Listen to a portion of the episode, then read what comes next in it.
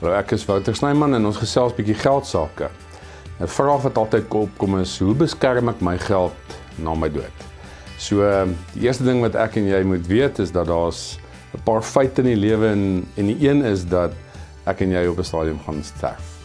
En dis ongelukkig so dat ons nie altyd dit in ons beplanning het dat ons finansies reg uitgesorteer is nie. En ek sien dit sommer net een aspek van uh 70% van mense in Suid-Afrika wat nie 'n testament het nie. Nou 'n testament is eintlik maar die eerste meganisme wat jy kan gebruik om jou geld in 'n manier te beskerm en dit is om te sê wat gaan met my geld gebeur? Ehm um, en hoekom sal jy dit nalat? Hoekom sal jy nie 'n eenvoudige stukkie papier invul en jou laaste wense wil neerskryf van hoe jou geld moet bestuur word na jou afsterwe nie? In terme van veiligheid van jou geld is dit doodgewoon so dat die dag as jy te sterwe kom en jou geld is alles in jou naam, het sy dit op bates is eiendom, voertuie, ehm um, spaarrekeninge, beleggings, watter vorm jou geld ook al aanneem. As dit in jou eie naam is, beteken dit doodgewoon dat dit gaan oorgedra moet word in daai boedelproses. Ehm um, dis waaroor boedelbereddering gaan, is juis om die oordrag van bates en of geld uit jou naam uit in terme van jou begunstigdes te maak. 'n Baie goeie manier wat mense deesdae gebruik om geld te beskerm in terme van jou afsterwe is om gebruik te maak van iets soos 'n trust. 'n Trust, die Engelse woord dink ek sê dit baie duidelik, 'n vertrouensposisie is doodgewoon 'n voertuig, is 'n wetlike voertuig waar jy jou bates en jou geld kan insit voor jou afsterwe. So dis 'n entiteit wat aangaan ongeag die datum van jou afsterwe en dit is baie makliker vir jou om dit dan te dan te kan bestuur. En dis tipies vir iemand wat eiendom sou hê, uh, miskien verskeie eiendomme sou hê, 'n besigheid sou hê wat jy wil hê wat moet voortgaan na aanleiding van jou afsterwe. Ehm um, jou beleggings en bates wat jy voor die tyd al dalk wil toeken aan aan jou familie.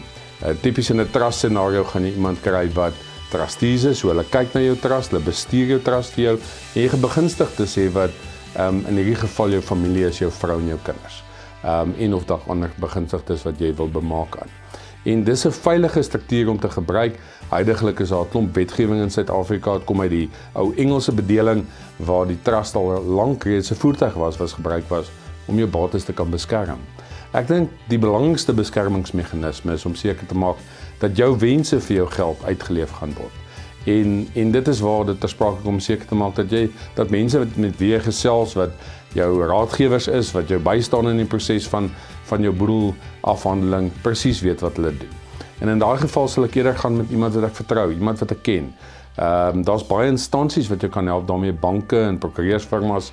En ek voel net dit is 'n onpersoonlike scenario. Hulle weet nie wat jou jou spesifieke doel en ehm um, jou bedoeling met jou geld is aan die einde van jou afsterwe nie. En en ek dink dis waar die uitdaging is dat ons werk so hard, soveel jare wat jy wat jy op sy sit om hard te werk om 'n boedel op te kan bou sodat jy 'n nalatenskap kan gee vir jou familie, jou gesin, jou kinders en om dan nie die moeite te doen om seker te maak dat dat jy hierdie oorgang goed be, bestuur nie. So doen nie moeite, maak seker in die eerste plek dat jy jou testament in plek het.